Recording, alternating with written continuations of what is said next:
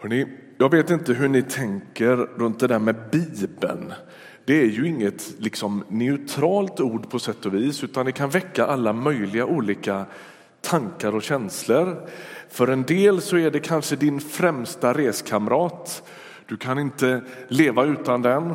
Och för en del andra så tänker du att ja, Bibeln kanske är bra som tröst men man smusslar gärna lite med den. Jag vet inte om någon av er kommer ihåg eh, Adrian Plass hemliga dagbok som var lite het bok för 20 år sedan. Han skulle ut på stan och var med på någon sån här Jesusbussen-variant och han försökte leta upp en bibel som kunde misstas för kanonerna på Navarone. För han var lite, skämdes lite för sin bibel. Så kan det kännas ibland.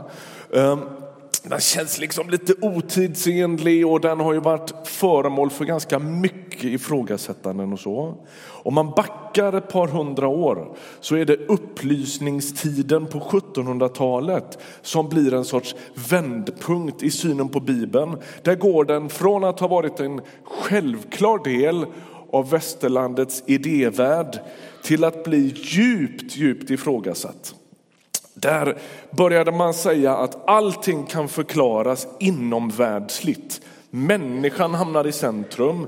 Ni vet, det tar sig uttryck i att man betraktar Bibeln utifrån en sorts naturvetenskapligt perspektiv och funderar över om den kan vara trovärdig. Och så konstaterar man snabbt utifrån evolutionsteorin som kommer ungefär under den här tiden och skapelseberättelsen som blir någon sorts symbol för två världsbilder. Att Bibeln, den kan man inte lita på.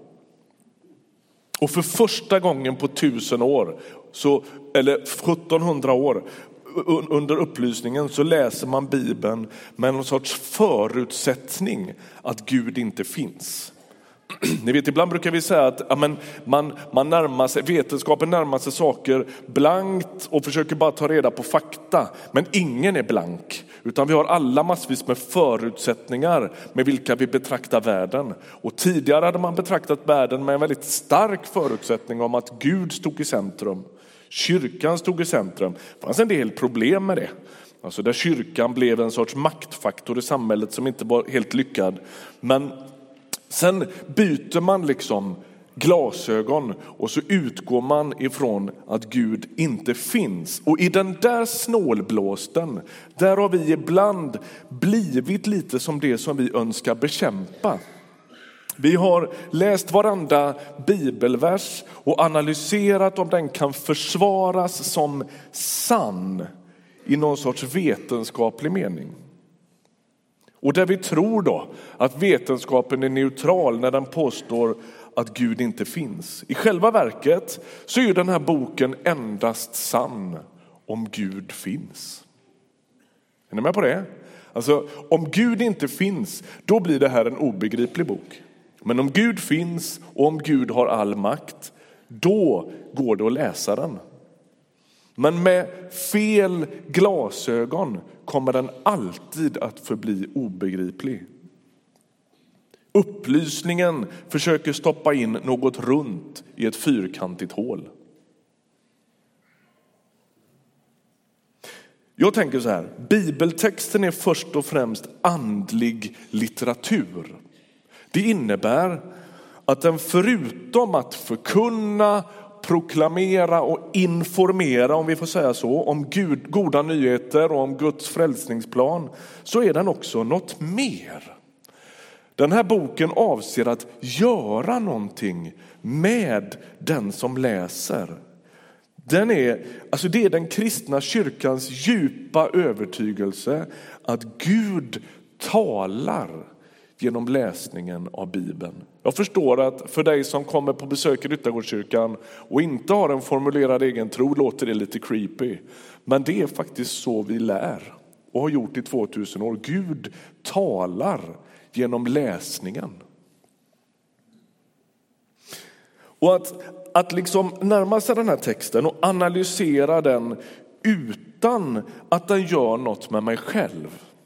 Det är lite som att plocka fram en Alvedon ur medicinskåpet och så plocka isär den i sina allra, allra minsta beståndsdelar och försöka analysera vad som är vad i den där.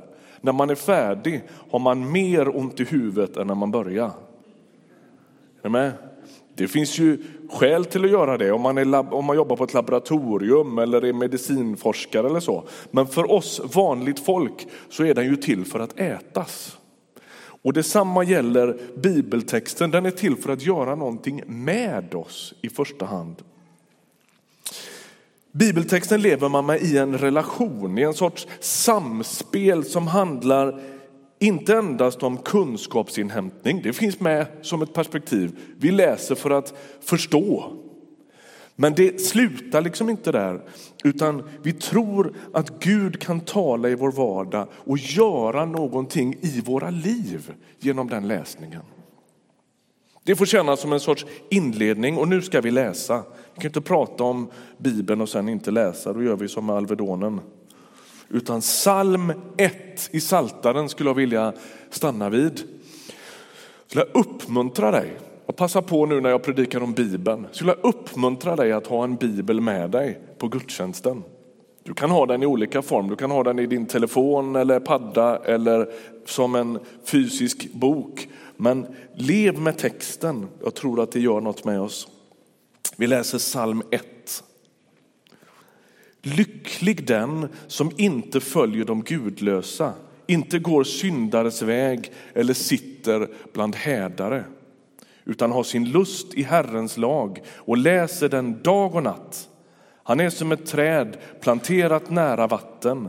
Det bär sin frukt i rätt tid, aldrig vissna bladen. Allt vad han vill, allt vad han gör går väl. Inte så med de gudlösa. De liknar agnar som vinden för bort. Därför döms de gudlösa där rätten råder och syndarna i de rättfärdigas krets. Herren är med på de rättfärdigas väg, men de gudlösas väg leder till intet. I den här texten så finns det en sorts fördjupning eller en sorts olika skikt eller cirklar. Först i relation till synden och gudlösheten. Det står här att lycklig är den som inte följer de gudlösa. Det blir inte så tydligt i vår bibelöversättning, men i en del andra bibelöversättningar så kan man se att det här liksom eskalerar lite. I en engelsk bibel så står det walk, alltså man går med de gudlösa. Och betydelsen i det här hebreiska ordet det handlar om att gå jämte, att följa någons livsväg. Att följa någons syfte, plan, viljeinriktning eller sätt att tänka. Alltså man börjar lyssna till de gudlösa, en sorts mental hållning som börjar avgöra mina beslut. Jag går med de gudlösa. Jag kommer tillbaka till vad det inte betyder om en stund. Det andra är att det står går syndares väg. På engelska står det stand. Alltså det är en mer fast och grundad stadig syn eller liksom hemvist i de gudlösa sätt att tänka. Man börjar skapa mönster och vanor utifrån ett gudlöst tankemönster. Från att ha tänkt som världen börjar man agera som den. Alla vi är ju syndare, så i många stycken så gör vi det hela tiden. Men här handlar det om att man medvetet börjar välja bort Gud för att gå sin egen väg. Är du med på att det finns en sorts rörelse i det här? Först så går man bland de här, sen står man där och det sista det står det är att man sitter bland hädarna. Att man, det, det, det, grundtextordet betyder att sitta, att bo, att stanna kvar, att förbli. Det beskriver ett liv där man har blivit helt bekväm med gudlösheten. Är du med mig? Alltså först vandrar jag, följer jag de gudlösas väg. Sen börjar jag gå på deras vägar. Det här är ett bibliskt liksom, bildspråk för när livet sakta men säkert präglas i fel riktning. Och till sist så sitter sitter jag bland de här människorna eller i den här gudlösheten. Det handlar inte om att distansera sig från människor. Det handlar om att förstå vad det är som påverkar mig som människa. Och då blir frågan, vad är det som... Vad är det för någonting? Jo, vi människor är inte på, opåverkade av rörelser i samhället, av attityder, av omgivande värderingar, av makter som försöker regera oss. Och det gäller enligt bibeltexterna att inte vara naiv i förhållande till det. Det betyder inte att man går runt och är nervös. Det betyder inte att man tänker oj, jag ska gå runt spänd som en fiolsträng och vara rädd att bli smittad av den omgivande världen. Vi är en del av den omgivande världen. Du kan leva avspänt här. Men du ska göra det med ett visst mått av klarsyn. Därför att det är som om gudlösheten liksom äter sig in i våra tankevärld och vårt idésystem om vi inte hittar ett sorts motgift mot det. Och då kommer vi till det.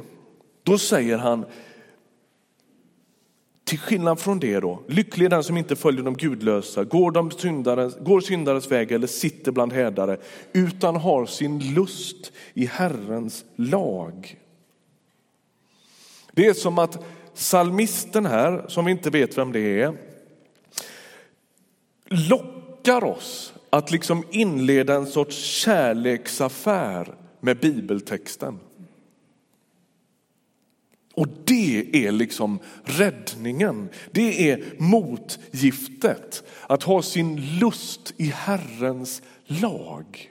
Och då är frågan, vad är det för något? Lag är ju inget positivt klingande ord för oss.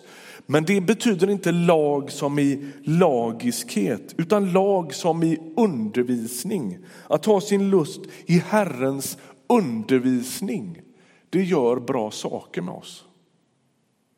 Och det tjänar som en sorts motgift eller en sorts eh, beskydd mot det här klibbiga gudlösheten som beskrevs innan.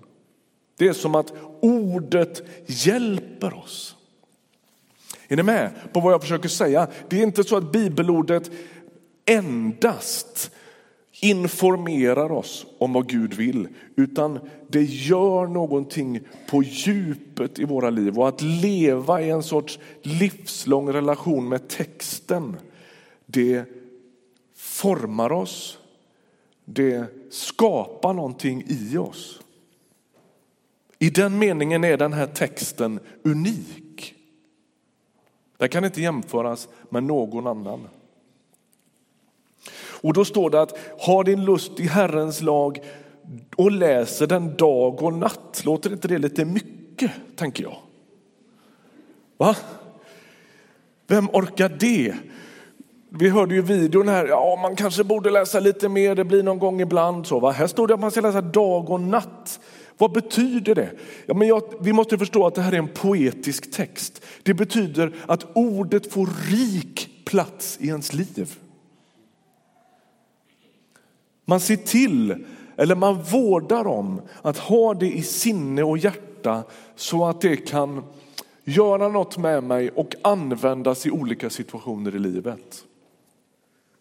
Och så kommer det en sorts inbjudan till dig och mig. Eller en sorts, det är som att salmisten som har skrivit den här texten försöker locka oss eller måla en bild av vad det skulle kunna innebära att leva i närkontakt med bibeltexten. Det står, han, är, han eller hon är som ett träd planterat nära vatten. Vers 3. Det bär sin frukt i rätt tid, aldrig vissna bladen, allt han eller hon gör går väl. Låt mig säga några ord om det. Det där trädet vid vatten. Det första vi kan säga om det där trädet är att det har ett starkt rotsystem. Och jag vet inte hur det är med det, men jag gillar det där ordet rot. Trädets livskraft avgörs av det som finns under jord, inte ovan jord. Ett stort träd utan rötter, det blir ju till sist problematiskt, det förstår alla, eller hur? När vinden tar i det trädet så är det kört. Liksom. Utan om trädet ska klara sig så måste det finnas ett rotsystem.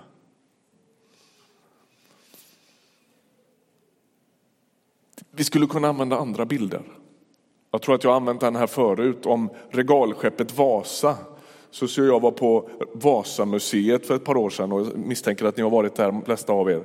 Där de visar vad är det som gör att det här ståtliga skeppet välter i kull och sjunker på första försöket. Det är ju liksom dåtidens JAS-projekt. De satsar ju halva statskassan på att bygga den här båten.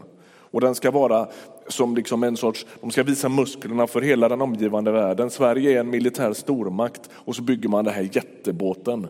Och så ute i Stockholmström så kommer det en liten vindpust och så välter hela skiten, höll jag på att säga. Och så sjunker den.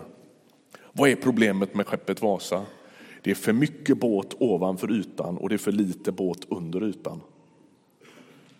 Så är det. Och det är liksom ett annat bildspråk för detta. Trädets livskraft avgörs av det som finns under och inte ovan jord. Det andra det är att trädet, bilden av trädet det avslöjar något om mognad och tid. Ett bra träd tar gott om tid på sig att växa. Och så är det också med en människa som mognar med ordet. Och här tänker jag att kristen tro eller andligt liv blir en sorts motkultur till en del av det vi upplever runt omkring oss. En instant culture där allting kan nås med en gång. En tid präglad av snabba klipp så är det här en sorts vilsamt budskap. Det viktigaste i livet växer långsamt. Rotsystemet i våra liv, det växer sakta. Och därför så gäller det att inte göra samma tabbe som upplysningsfilosoferna på 1700-talet och betrakta den här bibeln med fel glasögon. Man skulle kunna tänka så här, ah, jag provade att läsa tre dagar, det hände ingenting. Det beror på att allt som är viktigt och som är under ytan, det växer sakta.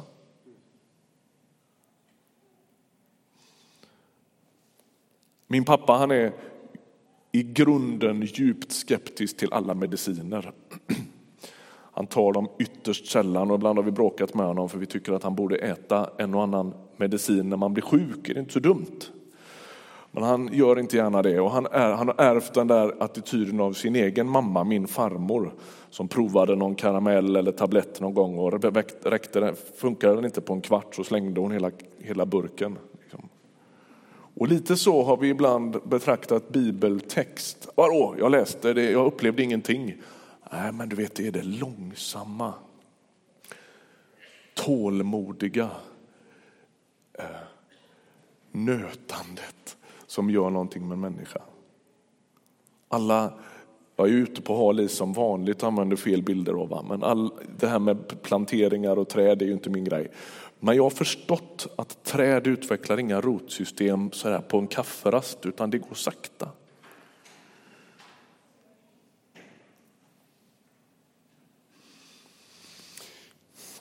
Vi kan hoppa över det där bibelstället som står där, vi avstår det så länge. Det tredje är att det är också en bild på tjänst för Gud. Det står här att det där trädet, det bär frukt. Alltså, det mättar någon annan än sig själv. Och till sist så kan det rotade livet få betyda något för någon annan än mig själv. Man rotas inte bara för att vara ett tåligt träd utan för att bära god frukt. För att tjäna, för att hjälpa någon annan, för att leva för någon annan än sig själv. Alltså, att bli planterad vid vatten handlar om att ha blivit flyttad och transplanterad. Jag tänker mig Möjligen gör jag våld på bilden, men jag, jag bjuder på det. Jag tänker mig ett träd som tidigare har levt i karga bergsmiljöer och så blir det omplanterat vid det där vattendraget. Och lyssna nu, nu kommer det där som du ska komma ihåg. Om du ska komma ihåg en sak idag så kommer det nu. Hur rotlöst och svajigt ditt liv än har varit fram till nu så kan det bli fast och stadigt om du inleder en livslång relation med bibeltexten. Och när jag satt och förberedde den här predikan så fick jag som en bild som jag skulle vilja dela med någon här inne. Jag tänker mig att Gud, han beskriver sig själv ibland som trädgårdsmästaren. Och så är det som att han har grävt en grop och där vill han plantera dig. Du som känner vad rotlöst mitt liv är. Vad sargat mitt liv är. Vad hemlöst mitt liv är. Jag tror, att, jag tror att jag har en hälsning till dig idag och att Gud har grävt en grop där han vill plantera och rota ditt liv i en livslång kärleksrelation med honom själv och hans ord. Kontrasterna är slående i den här texten. Va? Gudlösheten beskrivs som agnar som förs bort för vinden.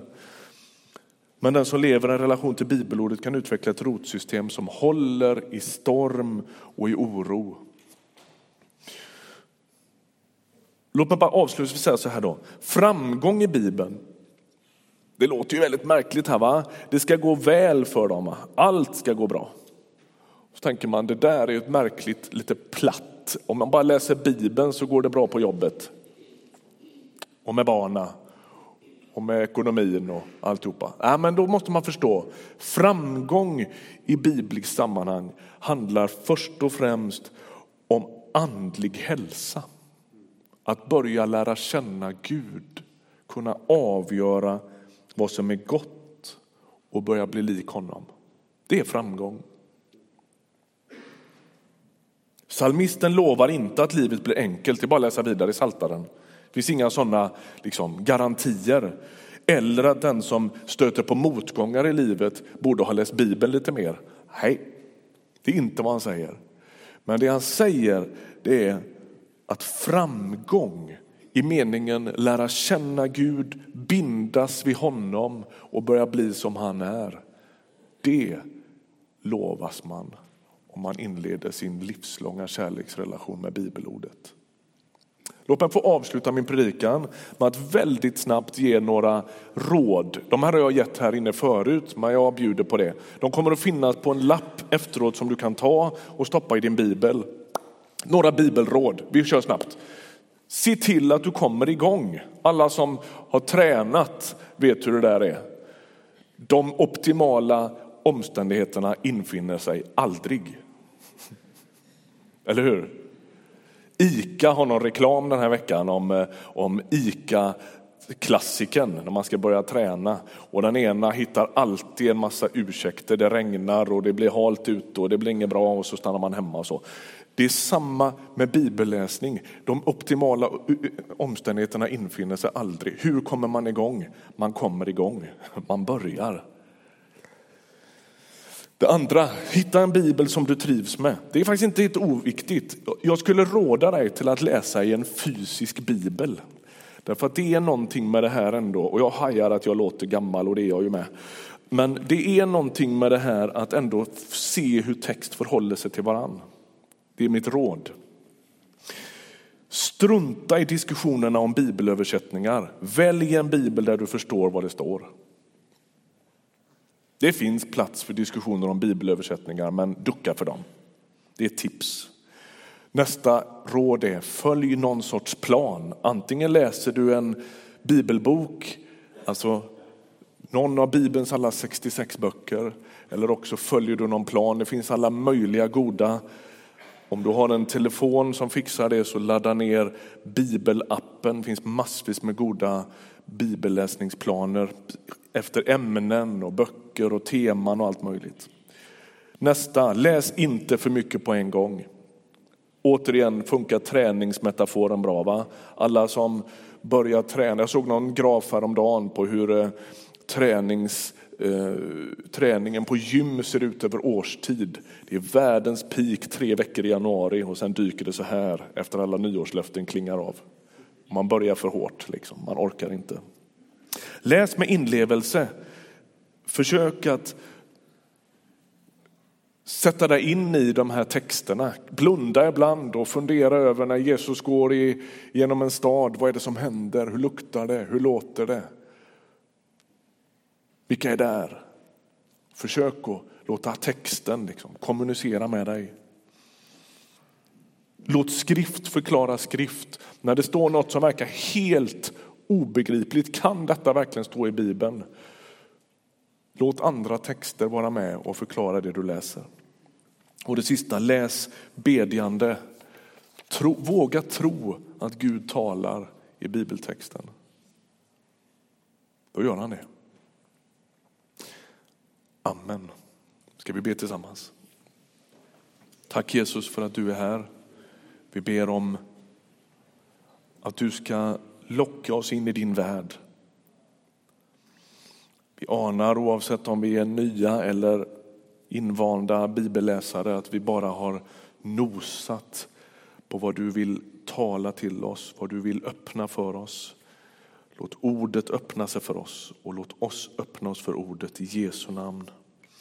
Amen.